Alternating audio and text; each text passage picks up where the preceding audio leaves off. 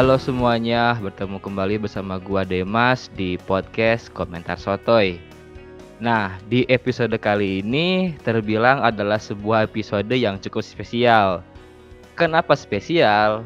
Karena biasanya di podcast gua tuh kan isinya cuma misu-misu, terus marah-marah doang, ngegibah, terus ngomongin cerita hantu segala macem. Nah, di episode kali ini spesial karena mungkin di episode ini ada sebuah kisah inspiratif yang datang dari salah seorang teman gua yang dia ini, beliau ini mempunyai sebuah usaha di apa ya, di bidang yang lagi hype-hype-nya banget loh. Di bidang persnikeran lokal.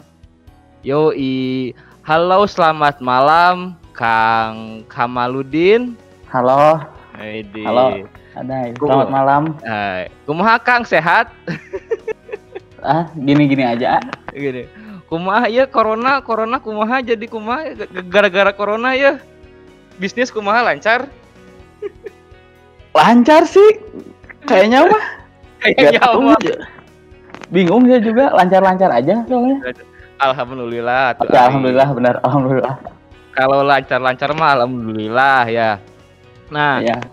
Jadi Mang manggilnya naon ya Mang Mang Kamal, Mang Udin. Boleh Kamal, boleh Udin. Kamal dehnya Eh, bebas. saya manggilnya apa? Kang Elmo. eh Demas aja lah Demas. Dimas. Oh iya, Kang Demas. Hmm. Nah, Mang Kamal nih, sebelum sebelum kita masuk ke pembahasan kita malam ini, Ya. eh, gua nih mau nanyain ke Mang Kamal nih. Kan Mang Kamal ini bisa dibilang adalah sebuah sebuah eh sebuah lagi seorang owner nih kan, Betul. owner brand. Nah, sebelum kita masuk pembahasannya, gue pengen nanya nih, Mang Kamal ini mempunyai beberapa brand sih yang dipegang sama Mang Kamal gitu. Coba sebutkan Mang berapa biji Mang? Kalau yang di permukaan sih dua sebenarnya. Ah, Eh, Pana Footwear ah, sama satu lagi No Major Unpresent. oke no major, ah, ah, ah, Hmm. ah, ah. terus di belakang layar aku mah. Kalau di belakang layar nggak jadi owner.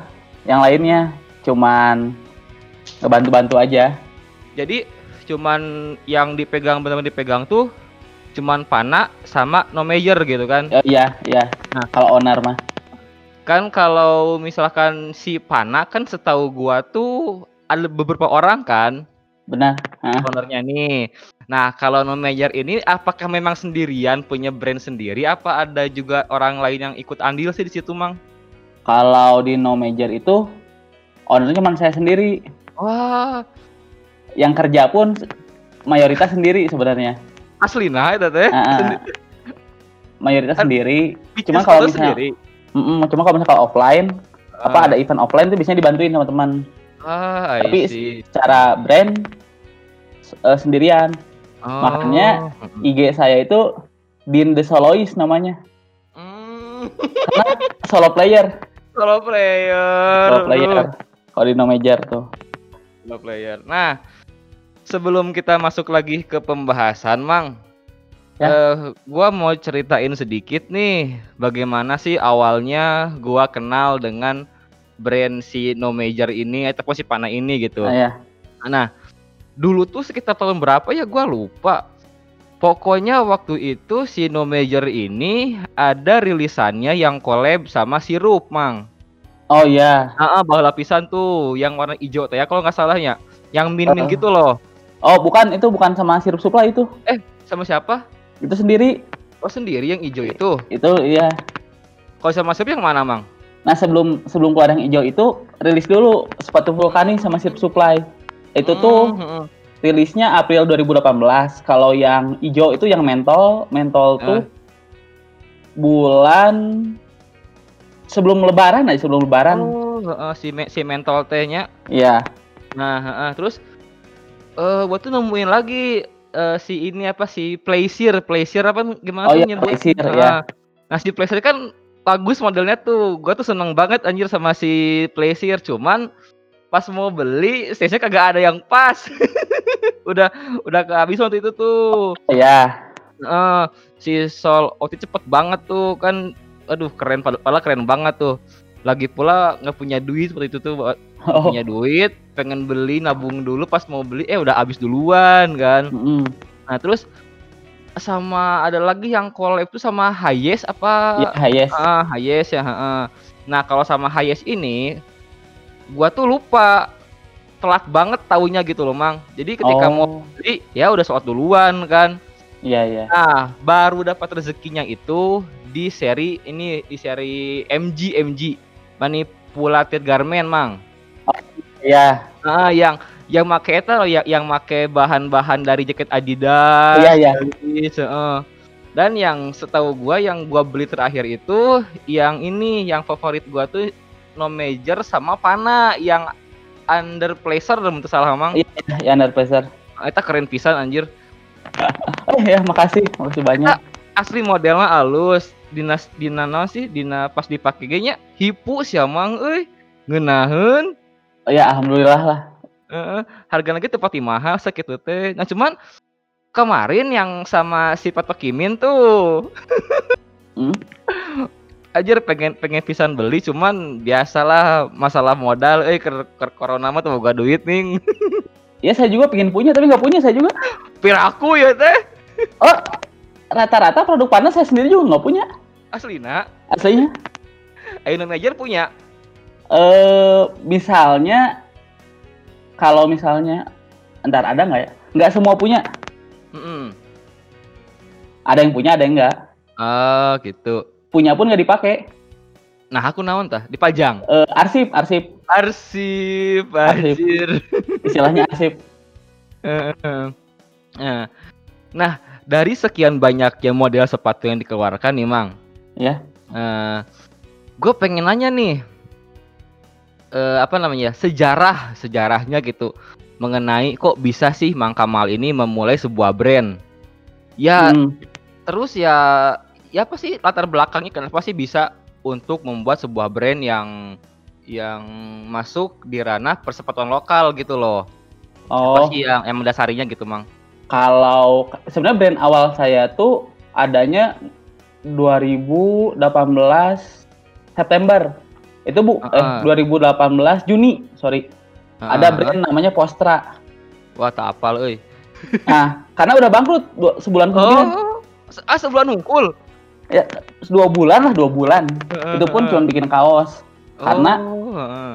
Eh, jadi waktu itu tuh ada uang lebaran lah, Mm, bingung mau diapain. mm, Akhirnya bikin brand aja, iseng lah, dengan tanpa knowledge sedikit pun, so tahu aja gitu. Ah, ah, ah. Bikin kaos, Mm, dua bulan jalan, ketemu teman-teman brand lokal owner-ownernya, mm, jadi kayak dapat masukan. Akhirnya dua bulan pun udah langsung ngerasa, eh ini brand salah gitu. Postra tuh. Mm, Habis itu ya udah dibangkrutin, bikinlah baru no major. Nah buat no major ini saya mah belajar. ah, Eh, saya kan latar belakangnya akuntansi eh, keuangan. Jadi ber- kalau berdasarkan eh, dari mentor lah apa ya kasarnya yang sepuh-sepuh di brand Mm, itu ada tiga bidang di brand tuh produksi, keuangan, marketing. Nah, owner tuh harus bisa salah satunya. Mm, Jadi kalau misal misalnya saya kan keuangan, kalau desain berarti saya bisa nyuruh orang lah nggak desain. Kalau misalnya saya Yes. orang desain, saya bisa nyuruh yang lainnya. ah. Nah, karena saya nggak punya uang banyak, Ah, ya udah saya akhirnya dari, karena saya basicnya akuntansi udah paham lah keuangan. Ini saya belajar desain. Ah, ah, di No Major inilah saya ngedesain. Nah waktu itu 2018 akhir itu lagi ramenya sepatu petir. Oh, eh, si Ya. kayak World Division gitunya. Multivision, pokoknya Ah. semua petir lah. Ah, ah, ah. Nah, no major itu karena tidak punya basic di sepatu dan saya juga nggak paham dulu tuh bikin sepatu tuh harus gimana, apa yang disiapin. Mm, Akhirnya saya ngajak collab mm, mm. ke sama sirup supply. Oh, si sirup. Mm. Nah, nah waktu itu sirup supply itu satu-satunya brand lokal di Bandung yang Hmm. saya tahu ternyata bukan di Bandung ternyata, tapi, tapi di Lembang. Eh, ternyata Lembang jauh gitu. Tapi nggak apa-apa Bandung gitu. Yang saya tahu Ah. Bandung harganya murah dulu tuh Mm, mm. sama tidak petir-petiran. Iya. Saya punya satu tuh yang yang running itu kayak Saucony itu loh. Ah, itu mah baru. Dulu mah kayak Oh. Warrior persis. Oh, Warrior. Dulu mah Warrior persis. Hmm, hmm, hmm. Harganya pun 200 ribu dulu tuh. Hmm. Nah akhirnya saya ngajuin lah proposal collab ke Sirup Supply Eh, di ACC ngobrol. Akhirnya saya banyak belajar. Justru saya banyak belajar tuh dari Supply. Gimana sih caranya bikin sepatu, Heeh. eh, material tuh apa aja, Material. apa sih bedanya dagang sepatu sama dagang baju. Hmm, hmm. Eh, akhirnya Februari deal collab, Februari 2019 deal collab, saya belajar banyak sama Sirup Supply. Eh, April rilis 28 April kalau nggak salah 28 April tuh rilis Hmm. eh Under Pleasure yang pertama Ah, jadi sup- no major eh Sirup Supply X no major unpleasant ah. Under Pleasure itu kita bikin 40 pasang itu sold outnya satu hari setengah Ya makanya cepet banget gue bilang tadi kan gue pengen beli udah habis duluan aja. nah itu tuh langsung oh ternyata dagang sepatu tuh lebih cepat ya daripada dagang kaos gitu ya kan terlebih kia emang kan terlebih sekitar itu kan emang lagi hype hype nya banget kan tren sepatu lokal ini loh naik naik lah gitu ya Hmm. terus terus ke Mamang Nah, akhirnya setelah beres collab dengan Siru Supply, kan udah minimal udah dapat ilmu lah buat bikin sepatu tuh gimana. ah Akhirnya saya bikin Mentol 30S. Hmm, hmm, hmm. Jadi dasarnya itu gimana caranya saya bikin sepatu nggak sama kayak Siru Supply. Ah ah ah ah Kan nggak enak atau ya namanya udah collab bikin mirip gitu. Udah dapat ilmu gitu lah makanya oh itu bikin aja. akan nyontek kayaknya Ya nanti malah jadi nggak enak gitu maksudnya. Ah, jadi ah, ah, bikin ah. lah akhirnya uh, namanya bikin eh, mentol 30S. Jadi kalau mentol itu dasarnya waktu itu tuh lagi rame-ramenya.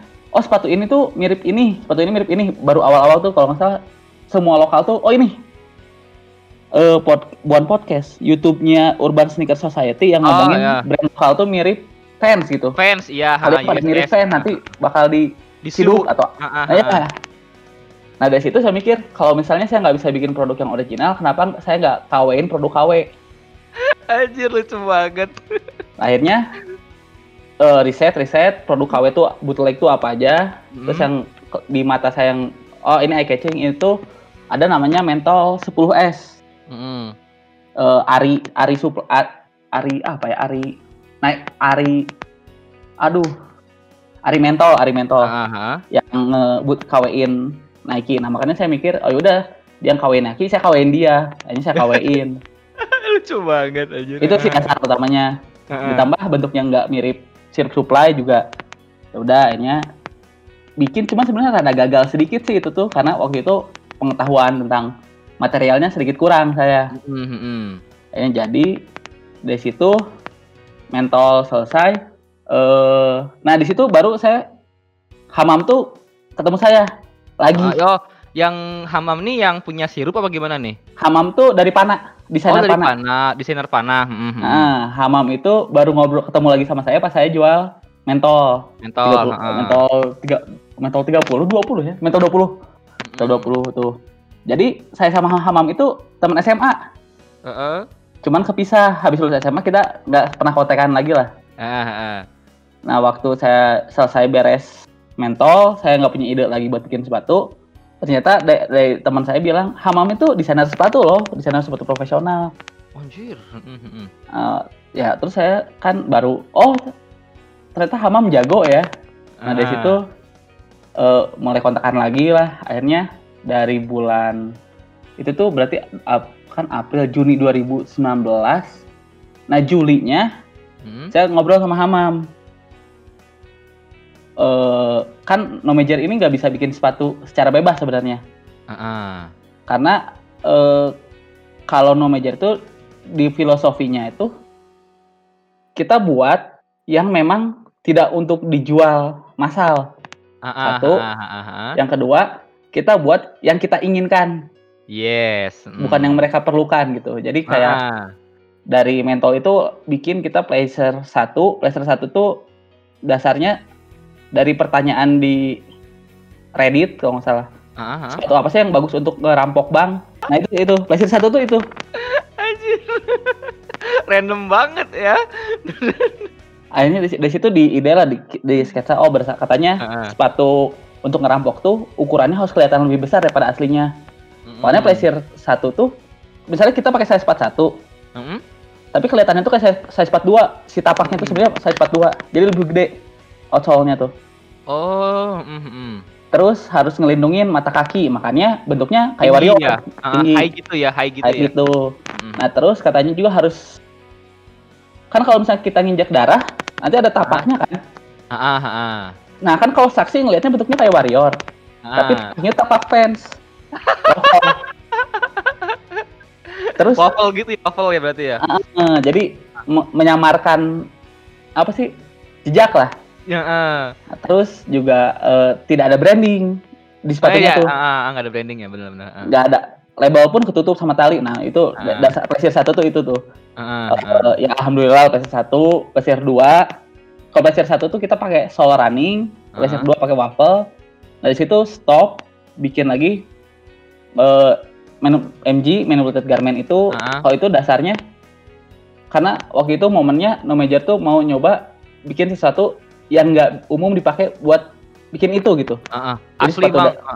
Eta eh, itu waktu waktu gue lihat ya, waktu gue lihat si yang MG ini Hmm? Kaget yang itu tuh bukan MG yang pertama, MG yang kedua tapi yang MG yang pakai ini loh, MG yang pakai Adidas, Oh, Elite iya, iya. loh. Yang kedua kan itu kan ya? Iya itu yang kedua. Kedua. Ah. Pas saat itu teh anjir, iya orang menang ide di mana sih gitu. Dapat ide dari mana? Kok bisa-bisanya bikin sepatu dari bahan-bahan jaket, sweater dari brand yang udah terkenal dihancurin, di dekonstruksi jadi sepatu. Anjir, dari Nah. itu dari mana idenya, Mang gitu, Mang? Jadi awalnya tuh karena pas momen itu sebelumnya rilisan kaos Mamajer tuh dari bahan jaket. Oh. Jadi kita bikin dulu kaos, kaos dari bahan eh, namanya tuh aduh apa biasanya biasanya bahan itu dipakai buat hoodie, cuman kita bikin buat kaos. flash, flash bukan bukan flash. Ah, please, please, please. Ah, flash. Ah.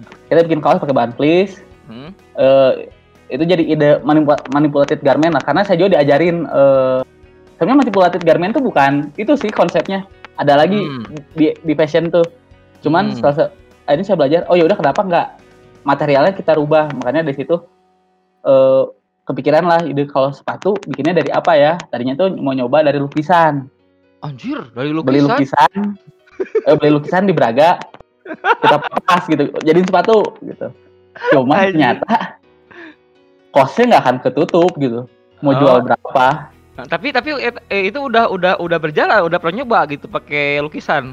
Kanvas gitu Eh, udah udah nyoba. kanvasnya udah pakai kanvasnya udah Mm-mm. kanvas lukisannya cuman eh, setelah dihitung-hitung eh, ini nggak nggak masuk akal harganya nggak akan meskipun Ah, bagus lah, kasarnya bagus Heeh. nggak cocok lah buat pasar lokal belum Ah, ah, ah. terus belum tentu yang ngelukisnya juga ikhlas nah karena konsep ikhlas itu makanya cari siapa kira-kira yang kalau saya giniin dia ikhlas-ikhlas aja pilihannya ya udah brand gede kalau gitu Adidas, Elis Anjir. Lucu banget. gitu Soalnya eh, waktu gue lihat kan, eh, anjir ini keren banget keideannya gitu dari dari apa dari bahan-bahan brand gede dibikinin sepatu anjir, anjir gokil sekali gitu. itu sih menarik sih menarik menarik banget.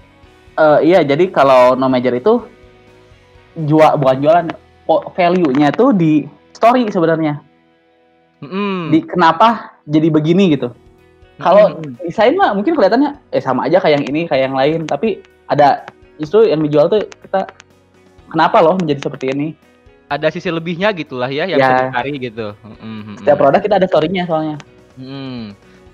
Bahkan Gitu. di ini pun di di segi kaos tuh ada yang apa yang cegah bunuh diri tuh. oh ya ya NMG tuh keren aja cegah bunuh diri itu kalau nggak salah gua baca tuh itu tergerak dari eh, nomor telepon yang udah nggak bisa dihubungin ya itu ya. Iya. ya benar dari jadi dari Kemenkesnya tuh emang ada layanan buat konseling Mm-mm. cuman semenjak dirilis nomornya tuh malah tidak pernah aktif ah I see.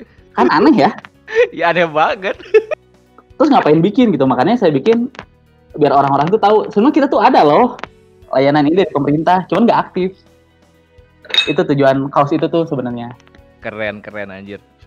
Nah, terus kan ini kan si NMG ini, si Nomeyer ini Hmm? kan udah banyak banget tuh model-modelnya kan ada yang model kayak yang tadi kayak Pleasure, terus Hmm. ada yang model kayak Mentol, Hmm. Terus sama yang Sirup, Under Pleasure juga, MG juga. Kan Hmm. itu model beda-beda kan. benar Nah, itu gimana sih segmentasi konsumennya itu apakah mengarah ke orang-orang yang kalau kalau dari under pleasure kan kalau gua lihat kebanyakan ya dipakai skateboard gitu kan.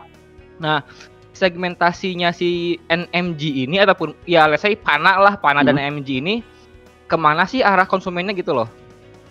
kalau beda sih kalau Sino Major ini Hmm? dulu dulu dulu awal-awal tuh emang bikin kayak konsep target pasar gitu Mhm. Eh, kayak oh kita nanti konsumennya bakal eh, ngejar dari tank, tank insomnia atau dari ini ini ini Mhm. tapi lama-lama nggak peduli udah aja bikin bikin aja Mhm, mhm. Sino Major tuh akhirnya Ah, ya, suka silahkan beli nggak suka ya nggak apa-apa Mhm, mhm. makanya eh, konsep eh, ju- tagline Major tuh our normal is your never Eh, Major unpleasant is not Major unpleasant is not for everyone Ya, iya. jadi silahkan aja kalau suka silahkan Eh, beli kalau nggak suka ya nggak apa-apa bebas Ah, ah, ah, ah. nah Ah, terus kalau pana Mhm. pana tuh dibuat karena menyasar konsumen yang pingin produk bagus Ah, ah. secara market Ah, ah. Makanya adalah pana gitu sedangkan no major kan tidak ngomong tidak mikirkan market Mhm. gitu sih Dan Pana ini kalau gua lihat ya trafficnya tinggi banget loh, cepet banget naik naik followernya anjir. oh iya saya juga nggak tahu kenapa Asli cepet banget naiknya anjir. aneh saya juga Apa eh, bisa bisa dibilang mungkin karena memang produk-produknya bagus, menarik gitu mungkin. Karena keren, keren, keren aja gitu si Pana ini. Ya dari dari dari mulai apa tuh yang yang sama NMG kan, Ah, ya. terus ada seri-seri lainnya itu kan emang anjir gua bilang ini bagus banget sepatu Pana nih. Terus kan Ah, emang emang ya. beda kan siluetnya kan kalau orang-orang kan ya yang saya sih biasanya kayak petir gitu kan terus Mhm. kayak kayak kayak kompas gitu kan Mhm. kayak apa gitu kan kalau si Pana kan beda sendiri tuh belum ada Kayak yang bikin sama sendiri. tuh kan Mm-mm. keren keren sih nah terus mang dengan dengan banyaknya produk nih Ya. Cara mengiklankan produk itu untuk mengapproach eh, konsumen selain lewat Instagram kan ada ini enggak teknik marketing khusus yang diterapkan oleh Pana ataupun oleh NMG Mang? Untuk apa menggayat konsumen sebanyak-banyaknya gitu Mang. kalau nah kalau kalau major kan nggak ada marketing khusus sebenarnya. Mm-mm.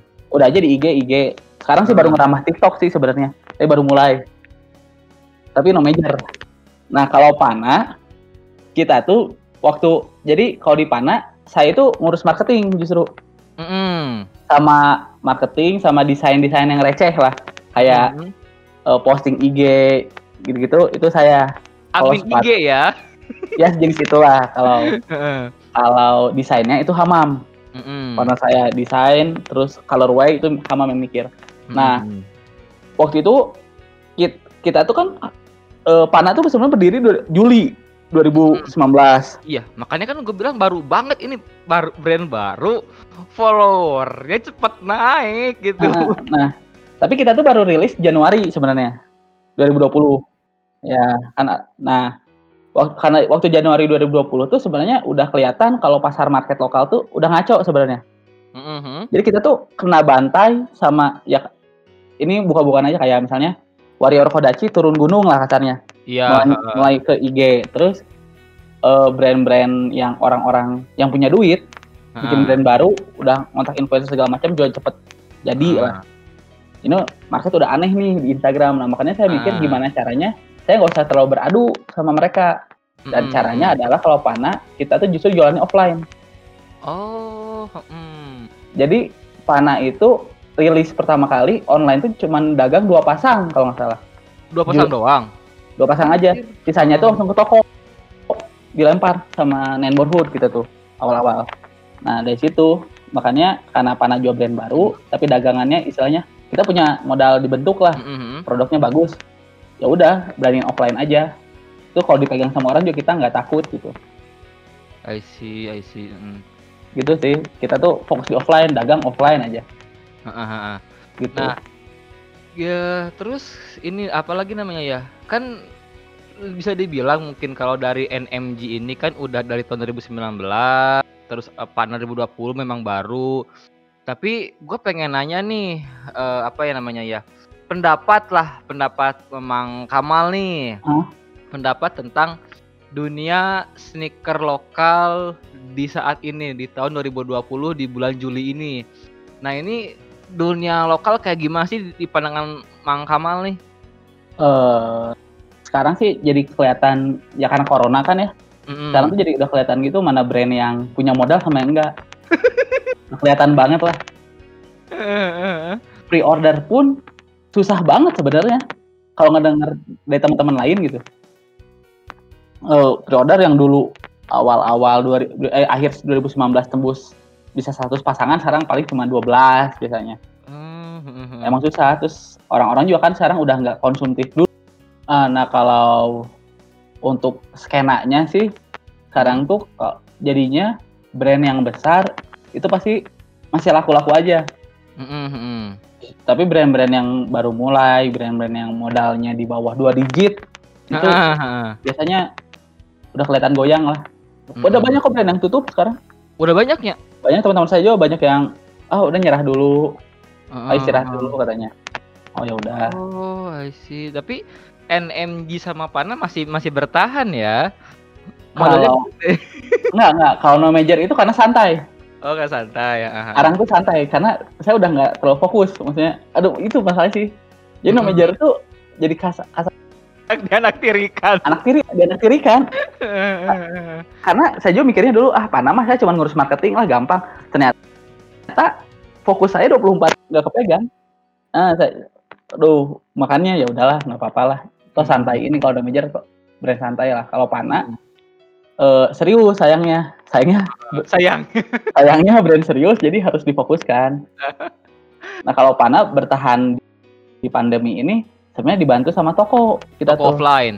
toko offline karena toko offline tuh yang reseller reseller kita banyak yang beli putus Hmm, hmm, hmm, kita hmm. ketolongnya itu I see. rutin tuh per bulan kita kirim eh, ya minimal 100 lah 100 100 100 gitu ah. pas kemarin pre-order Pana Ecoprint tuh channel Ecoprint ah, ah. kita stop dulu yang toko karena maksimal produksi kita Ah, ah. Itu juga kan limited dia cuma 100 pasang kalau nggak salah ya. ya 110 sebenarnya 110 sekarang Oh, hmm, hmm, hmm, hmm. Terus gini mang, eh, kan kalau ngomongin masalah dunia sepatu lokal nih, Ya. kita kembali lagi ke ini ke pembahasan awal di mana adanya yang namanya itu plagiarisme kan, plagiat, plagiat gitulah. Ya. Plagiat, terus ada yang mengkawekan, terus ada juga yang yang bikin lucu tuh adalah sebuah brand yang membuat parodi dari sebuah brand gitu mang. oh kampus kompas Ah, ah, si kampus si kampes gitu oh kan. iya Nah, terus itu mengenai mengenai eh, mengenai lagi menurut pandangan Mang Kamal menanggapi masalah plagiat, masalah KW-KW kayak gitu, terus masalah parodi nih sebagai pandangan seorang yang punya brand gitu, itu menanggapi hal itu tuh seperti apa? Soalnya kan kalau kalau gua sebagai Mhm. konsumen ya ya gua mah ya apa namanya yang gua suka ya gua beli, yang enggak ya enggak dibeli gitu. Nah, kan mungkin akan berbeda pandangannya ketika seorang owner nih ngelihat sebuah fenomena seperti ini gitu, Mang. oh Hmm. Hmm, kalau masalah plagiarisme KW-KWan gitu bootleg lah istilahnya ke bootleg kalau di sneakers itu tuh sebenarnya dari dulu ya udah ada Mm-mm. dari Jordan satu baru rilis tuh udah ada bootlegnya 85 tuh Mm-mm. Eh, Air Sangs dan lain-lain lah nah itu tuh sebenarnya sudah jadi culture di kita Mm-mm. sebenarnya di seluruh dunia kalau bikin sepatu tuh pasti bisa ditarik lah ini referensinya dari mana. Mm-mm. ini tuh mirip dari mana eh, bagian-bagiannya tuh nah yang jadi masalah adalah ketika ini orang kok eh, mengambil referensi secara penuh terus bilang parodi gitu kan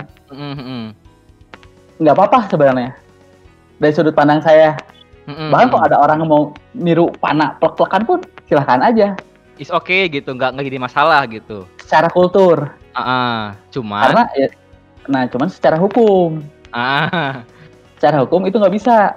heeh. Kenapa? Karena eh, ada hak cipta. Pencipta, Sama. hmm, Eh kalau kalau di produk tuh hak cipta aja sih. Sama merek dagang. merek Jadi- dagang, hmm. Merek dagang dia kalau beda, bukan paten ya. Kalau paten tuh penemuan. Ah, ah, ah. Nah kalau di brand tuh yang di yang dibahas tuh dua merek dagang sama hak cipta. Nah kalau masalah parodi ini tuh bukan jadi gimana konsumen sebenarnya. Kan kalau di kita misalnya oh eh, apa netizen jadi berisik misalnya oh ini kampus ngeparodiin nggak boleh nih. Gini eh, terus kampus ini salah nih. Netizen nggak punya hak untuk ngejudge. Ah. Secara hukum karena yang boleh ngeja boleh keberatan itu dari pihak Kompas sebenarnya. Iya. Nah kalau Kompasnya merasa tidak apa-apa, ya udah nggak apa-apa. Tapi kalau Hmm. Kompas merasa keberatan, bisa di apa bisa dituntut lah. Sampai kemarin kan sampai akun kampus, akun kampus kan sempat hilang tuh di di Hmm. kompas kan. Mhm. Aduh. Ya itu katanya katanya sih di take down Kompas. Mm-mm. Bahkan kalau ngomongin lebih luas, eh, postingan-postingan di IG pun yang yang menggunakan hashtag fans kayak gitu kan kena kena juga mang ya Oh iya iya Heeh. jadi hilang semua tuh Ventela kena juga kan iya iya. Itu ya itu itu makanya gimana gimana brand aslinya sebenarnya. Mm-mm. Kalau dari sudut pandang saya, misalnya saya panak ditiru gitu, eh saya masih sebagai culture ya nggak apa-apa, nggak apa-apa. Tapi kalau secara hukum, ya mau nggak mau gitu, karena ada duit biasanya kalau ada duit harus diurus kayak gitu, gitu. Nah, terus kita ini kita lanjut lagi nih. Kan kalau ngomongin masalah sneaker lokal ya. Gua tuh kenal sneaker lokal sekitar tahun mungkin 2016-an. Zaman-zamannya FYC sama Geoff naik tuh. Oh iya ya. Tapi ternyata sebelum itu tuh udah ada juga sepatu lokal yang gua tahu dari dari Malang ada on anjir udah lama juga kan. Iya benar.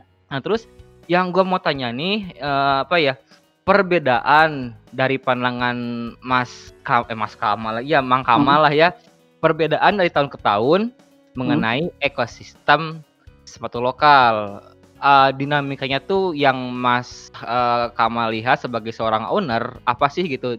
Misalkan waktu itu tahun 2018 2017an lah mulai ramai petir misalkan gitu kan terus nah menurut Bang Kamal sendiri menanggapi tren seperti ini tuh eh, kayak gimana sih emang emang kita sebagai seorang owner nih harus membuat sebuah inovasi atau gimana gitu Mang? Eh kalau dinamika ya, kalau misalnya ngomongin dinamika, saya tuh baru tahu brand lokal tuh 2017. Mm-mm. Tapi di 2000 terus saya bikin brand kan 2018. Mhm. akhir nah dari situ saya belajar itu eh, kalau ngelihat sih berdasarkan senior senior di sepatu emang beda kalau dulu tuh brand-brand lokal tuh nyatu fokus ngomongin dagang Ah, mhm. jadi kayak gimana sih caranya dagang yang laku terus mereka tuh belum punya konsep local pride Oh ya belum belum ada. mhm. belum jadi ya dagang aja gitu Eh, nggak ada sentimen ini mirip ini dulu tuh. Masih masih ada ayam ya kalau dulu masih ada ayam ya. dagang-dagang aja gitu. Dagang-dagang aja fokusnya gimana cara ngiklan yang baik lah. Eh ya sebagai layaknya entrepreneur lah. Mhm. nah 2018 pas mulai rame nah dari situ mulailah eh, dagangnya tuh jadi ada sedikit beda lah. Kalau dulu tuh fokus inovasi di produk marketing kalau Ah. sekarang kan jadi jadi gibah banyak Ada seperti ada kompetisi kali ya. Eh, kompetisi yang nggak penting gitu maksudnya Heeh. ngeributin ini mirip ini padahal kalau dari mata saya mah jelek dua-duanya juga nggak usah di ngapain diributin gitu ini strip saya ini strip saya eh, jelek gitu ngapain diribut eh maaf ini mah maaf gitu ya kalau ada yang kesinggung maaf gitu. Slow, slow, slow. Lanjut mang, lanjut mang. ya yang nah, makin sini Hmm. makin ngaco sebenarnya kalau masalah eh dinamika tuh tuh udah Hmm. brand tuh banyak banget tiap hari ada brand baru Hmm. banyak juga brand yang bangkrut tutup lah Mhm. nah kalau saya ngelihat biasanya brand yang bertahan tuh ketika mereka udah punya customer loyal satu, yang kedua mereka punya modal buat ngena buat ngejaga marketing. Mhm mhm. Jadi kalau sebenarnya kalau kalau saya sebagai brand uh, owner brand nggak nggak keberatan tiap ada brand baru tuh. Mhm. Ah paling tiga bulan bangkrut gitu. 3 bulan bangkrut Ah, anjir. nggak nggak akan lama karena kelihatan gitu sebenarnya mereka eh, cerita misalkan kalau owner brand baru tuh biasanya mereka terbuka gitu. Heeh. eh, saya modal hanya segini gitu. Ah ketahuan nih tiga bulan aja bangkrut.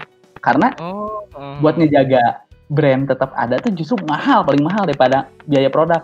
biaya memulai dengan biaya untuk bertahan beda gitu ya. Beda Mhm kalau orang-orang tuh biasanya mulai ah, anggap aja ya open PO misalnya.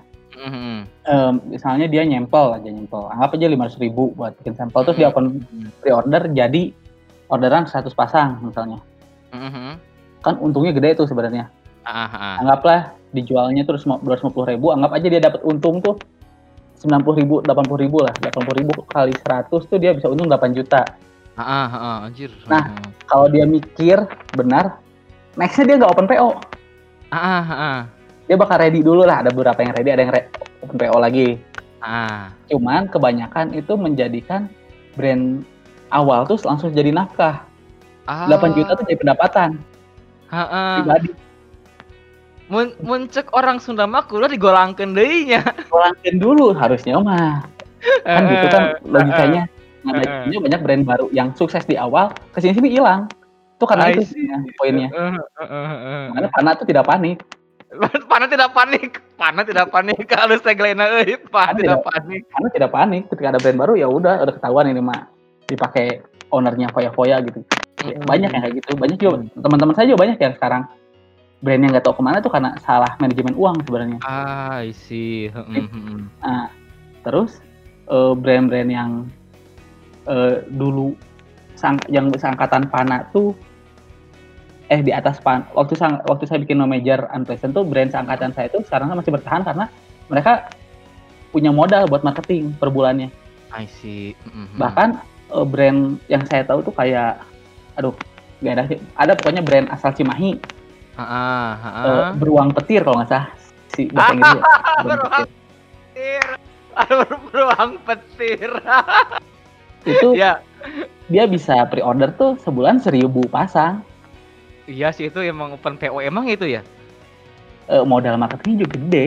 Oh, I see. Karena tahu saya se- se- gosip di underground tuh dia bisa Eh. 15 jutaan hanya untuk. IG ads Ah, IG Ads doang 15 juta. katanya katanya set- setahu saya tuh tapi ini gosip gosip ya gosip saya juga nggak tahu ini kalau ada yang merasa merasa orang oh brandnya maaf ini tapi setahu saya segitu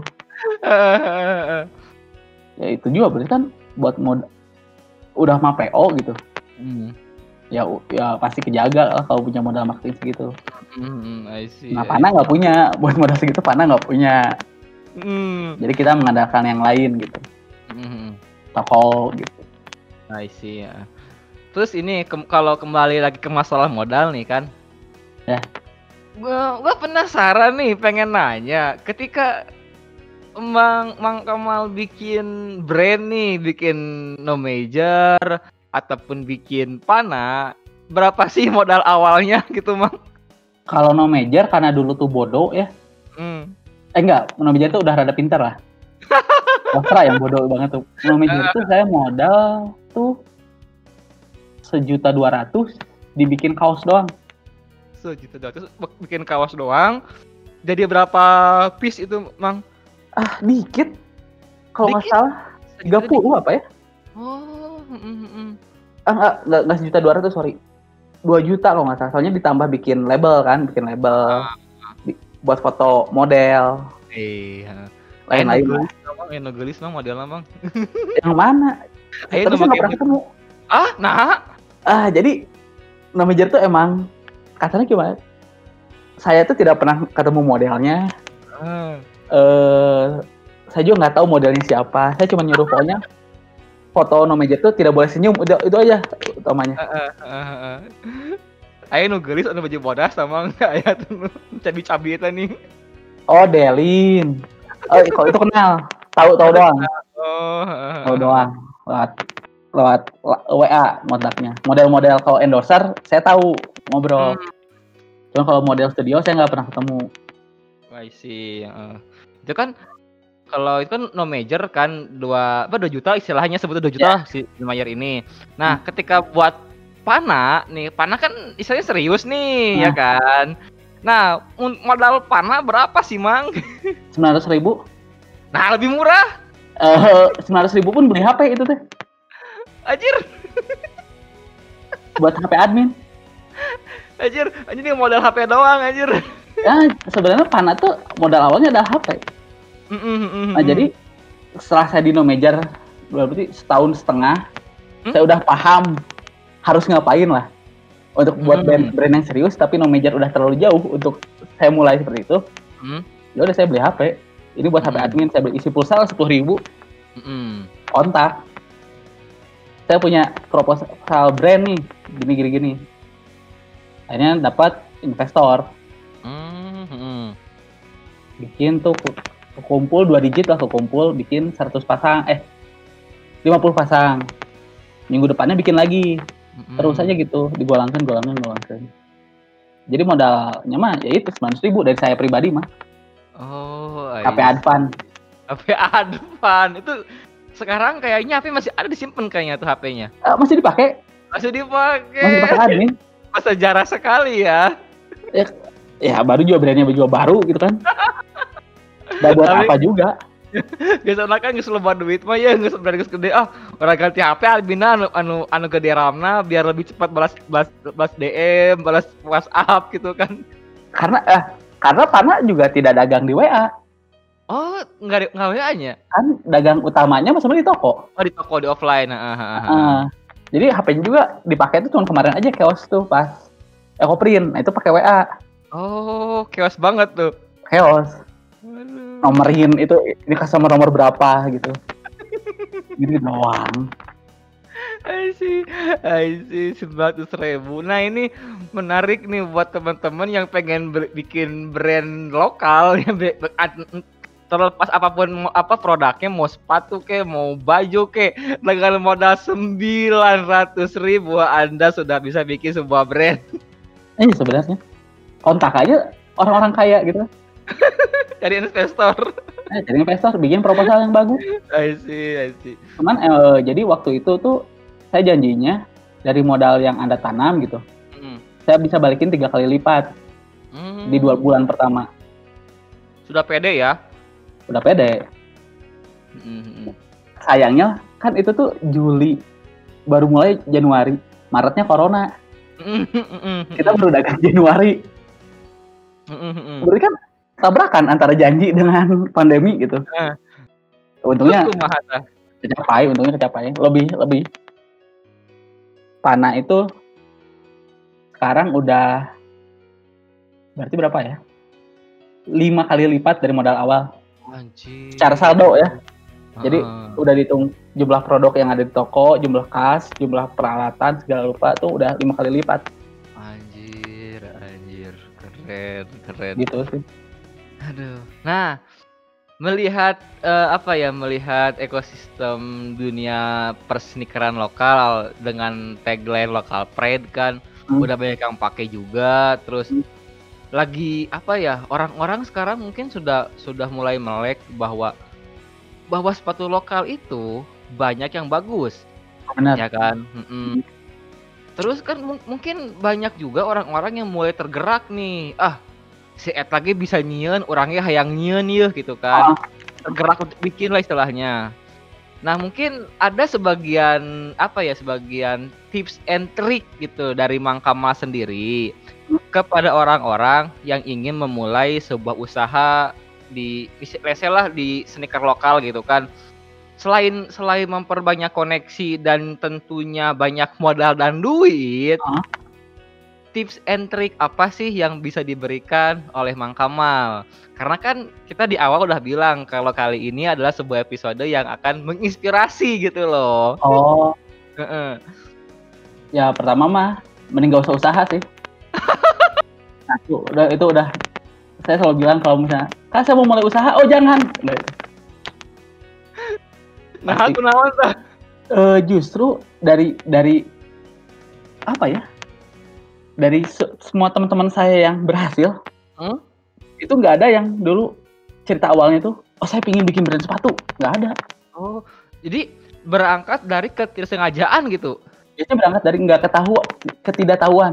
Ah, mhm, mhm, mhm. Kan kalau sekarang tuh, oh saya udah tahu vendornya, saya nyari ini. Ah sekarang saya mau Hmm. bikin. Nah, biasanya kayak gitu justru nggak berhasil. Nggak tahu kenapa. Oh, I see. Itu kalau saya dan teman-teman saya tuh yang itu dulu awalnya gimana nggak tahu apa-apa. Mereka tuh belajar dari perjalanan gitu. Mhm. Jadi kalau sa- biasanya saya sarankan mending gak usah mulai. Usah mulai. Berat soalnya. Udah aja eh, harus nyoba gagal dulu gitu maksudnya. I see, I see. Menarik ya sebuah sebuah tips and trick yang sangat out of the box ya kan misalnya kalau kalau orang-orang ditanyakan eh coba pendapatnya tentang tips and trick. Wah, pokoknya harus bla bla bla bla bla bla bla. Lah ini ditanyain jangan mulai usaha. Udah nggak usah, nggak usah. Tahan tabungin aja mending tabungin buat nikah.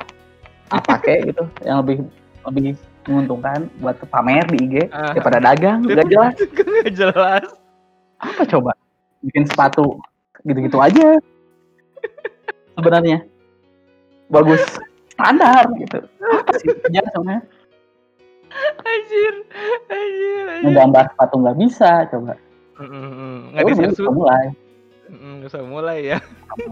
kalau saran saya sih ah mending jadi customer yang baik aja Itu yang baik. ada diskonan beli gitu loh pakai Hmm. barangnya nggak usah nggak usah bikin tapi kalau misalnya mau tetap maksa nih ah bikin bikin brand sepatu Hmm. ya pertama eh mau nggak mau sih eh, hidup anda berubah sebenarnya Hmm. pola tidur pertama pola tidur karena kayak ini kalau di Pana itu saya waktu itu misalnya HP admin tuh jalan kan dari jam 9 pagi sampai jam 10 malam Ah. tapi deal dealan sama toko tuh, tuh bisa jam 2 pagi jam 3 pagi Oh. heeh, heeh, heeh. di saat, mereka tidak lengah gitu saat saat toko toko lengah ownernya lengah saya nawarin barang biasanya terus eh, sadar aja sama kemampuan sebenarnya sih Nah, itu sih yang paling penting tuh karena kayak, kayak saya saya nyadar saya nggak bisa gambar sepatu Heeh. saya nggak bisa desain makanya saya bawa saya apa bukan bawa saya bareng hamam gitu hamam Hmm. emang desain sepatu cuman hamam tuh dia tuh desainer profesional profesional banget tahu Ah. nine ten nggak kan Apa? nine ten sembilan sepuluh 910 kayak pernah dengar tapi nggak tahu sih. Yang- kayak- nah itu desainernya hamam du- dulu sekarang tuh hamam di concave Di mana? di concave con cafe Oh, kon cafe. concave concave Ah, ah, ah, Kon Cafe. itu brand luar negeri sebenarnya Oh, I see. hamam di Hmm. sana di sana pro- sepatu profesional Anjir keren ya. nah karena cuman hamam eh, tidak bisa dagang Ah, tidak tahu ah, dagangnya makanya kita bersatu lah bersinergi lah, bersinergi. sinergi ya. saling tahu kekurangan sama kelebihan masing-masing Keren, keren. gitu sih Nah, ah, ah. terus gini nih, kan kemarin tuh ada ini ada lomba colorway kan. Ah Nah, terus ya selain lomba colorway itu, ini pengen nanya sedikit bocoran nih. Kan ini kan sebenarnya podcast ini berangkat ketika gue pengen nanyain masalah si si patokimin yang ecoprint itu loh. oh Nah, ah. Jadi pengen dibawain itu, udah bocoran yang itu adalah si patokimin. Cuma kan karena Mm, kita sibuk baru bisa sekarang mm, mm. dan juga akhirnya Mm-mm. si si patokimin udah keluar, si ecoprint ini udah keluar. Nah, Ya. Gue sekarang pengen nanya lagi nih bocoran selanjutnya dari dia dari NMG ke ataupun dari Pana Hmm. ke tentang produk yang selanjutnya bakalan keluar eh, seri apa gitu atau pu- punya konsep apa yang untuk produk barunya gitu. Ada nggak mang yang bisa diberitakan gitu? Kalau dari no major sih nggak ada. Nggak ada planning. Mhm. ya lagi pingin bikin ya bikin I see. Nah sekarang tuh nggak lagi nggak pingin bikin apa-apa setelah bikin Playstation 3 tuh. Hahaha. lagi istirahat dulu lah kalau major kalau Pana itu colorway itu ya yang lomba itu nanti rilis. Nggak tahu tapi yang mana. Mm. karena belum ada pemenangnya. Hmm? terus ri- rilis eh, colorway baru bulan Agustus. I- bulan depan berarti ya? Ah udah ada sebenarnya. Udah mau Mhm. rilis. Terus rilis lagi sama Nah ini nggak tahu ini katanya sih ada JSD online ya Jakarta Sneakers Day online. Aha. Nggak tahu Pana tuh ikut nggak tahu nggak saya juga. Hmm, masih bimbang gitu. Eh sebenarnya pendaftaran udah ditutup Oh, dan kita tuh tidak daftar. Heeh, Tapi cuma masih ada desakan dari kayak nggak tahu dari siapa gitu. Ah Pana ikut aja lah, Pana ikut aja. heeh, Nggak ada barangnya juga kita nggak ada katanya. Bisa nggak bisa katanya. Ya udah Ya, makanya ya, nggak tahu juga. Mungkin orang itu ngelihat dari ini dari si apa namanya dari traffic panah yang lagi naik naiknya kali itu wah ini menarik kalau ajak panah nih gitu kan Ya mungkin ya mungkin gitu. Tapi dah gimana dah nggak punya produk. Pana tuh Mm-mm. selalu nol stoknya oh di gudang tuh. Ah. Jadi kalau di konsep eh, akuntansi itu ada namanya just in time, Kang. Mm-mm. Jadi just in time tuh produk tuh baru ada setelah ada order. Kan kalau yang lain tuh ready stock tuh konsepnya belum Ah. ada order kita bikin nih. ya. Kalau kita tuh ready stocknya sistemnya just, just in time, jadi ketika ada orderan langsung bikin. Panah ini gitu Eh, 12 jam kemudian harus sudah dikirim. ngebut sekali ya Ya pokoknya setelah ada barangnya 12 jam kemudian langsung sudah dibawa kargo. Makanya kita nggak ngebut semalam Makanya ini tuh nggak ada ini apa istilahnya ya. Kita tuh nggak bisa endorse jeleknya. oh mm, mm, mm. Jadi ketika ada, kak kita mau endorse dong. Udah nggak Hmm. punya, barang juga nggak ada. Mau mau endorse apa gitu, gitu, gitu teh. I see, ya. Ya, mungkin itulah obrolan gua sama Mang Kamal dari sebagai ownernya No Major dan juga Pana. Nah, terakhir nih, Mang, Mang, Mang Kamal. Ya. Kan sekarang banyak brand yang lagi collab-collaban tuh. Iya, Nah, mungkin dari dari No Major itu sendiri ataupun dari Pana sendiri, mungkin ada sebuah keinginan untuk collab sama siapa? Sama artis misalkan sama Anya Geraldine atau sama siapa kayak gitu mungkin? Ada nggak terbesit Oh, keinginan untuk collab sama siapa gitu? Kalau no major tuh pinginnya collabnya sama Gitka, oh Bitka Footwear. Ha, Footwear. ha, ha. Udah udah ada obrolan lah ke sana, cuman nggak tahu nih Gitkanya sibuk.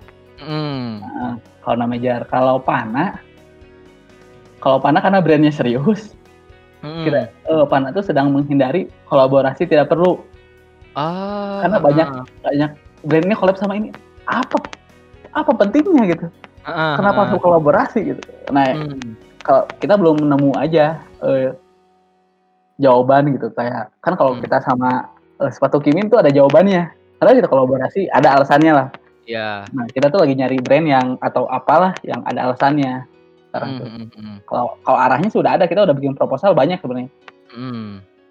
untuk ngajuin collab cuman ya belum ada jawaban kenapa sama brand yang udah ada jawabannya juga belum balas sebenarnya Mhm. Nah itu mungkin ditunggu aja dari produk barunya No Major sama Bitka Footwear. Mudah-mudahan cepet keluar, cepet deal amin gitu. Terus kemudian tungguin juga produk barunya Pana dengan color yang baru di bulan Agustus depan ya. Sebulan Iya. lagi nih, bentar lagi nih keluar nih. ya bentar lagi. Nah ini terus kalau bagi teman-teman pendengar nih misalkan mereka pengen beli nih si Pana atau si No Major nih Hmm. selain lewat IG kan ada nggak di mana aja sih bisa ditemukan si No Major sama si Pana ini? kalau no major cuman bisa online Hmm. Eh, bahkan datang ke gudangnya pun nggak akan diterima Si No Major ini. Harus online pokoknya. Karena saya nggak mau ketemu. Hmm. saya nggak mau ketemu sama yang beli. Hmm. kalau pana eh itu bisa didapatnya di toko-toko. Kalau misalnya di ada banyak sih. Kalau misalnya di Bandung bisa ke gudang Hmm. Warrior. Kalau di Hmm. Depok bisa ke Top Sport. Kalau di Bekasi bisa ke Freak Football. Kalau di Bogor bisa ke Guzel. Kalau di Banjarmasin bisa ke Rupaka Store di Balikpapan bisa ke Holy Kid di Tangerang bisa ke Roswell Store di Surabaya bisa Neighborhood. Mana lagi yang belum disebut? Oh Jogja. Jogja bisa ke Rise Sport Sleman bisa ke Over Six. Anjir. eh mana lagi ya? Eh, pokoknya Keren. ada lagi. Mohon maaf lah kalau toko yang belum disebut Keren Maaf. pisan, keren. saya nggak nyatet soalnya. Eh saya nggak pegang catatan ini soalnya. Ada soalnya. nggak ada soalnya saya nggak pegang catatan Keren pisan asli keren. Pana Pana Pana keren keren. Major pun keren. Aduh, keren keren. Sangat-sangat menginspirasi sekali ya Bram malam ini. Berbeda dengan isi podcast gue yang biasanya cuman gibah, cuma ngomongin orang, cuman marah-marah doang, ngobrolin setan. Sekarang ada kisah inspiratif di sini nih. Ada Lumayan lah ya. ada berisi juga sekarang podcastnya. ya, mungkin apa ya segitu dulu episode kali ini. Nah, Gua sangat berterima kasih kepada Mang Kamal sebagai owner dari No Major dan juga Pana atas waktunya gitu sudah bersedia hadir di podcast gua gitu kan. Sebuah brand sebesar Pana loh bisa masuk ke sini itu sangat aduh anjir. Yang mudah-mudahan bisa menjadi besar lah No Major sama Pana ini. Amin. Ayah, amin lah. Ya mungkin segitu dulu episode kali ini. Intinya, terima kasih telah mendengarkan dan selamat berjumpa di episode selanjutnya. Nama gua Demas dan Oh iya dan Kamal Kamal Kamaludin. sampai berjumpa di episode selanjutnya. Bye bye.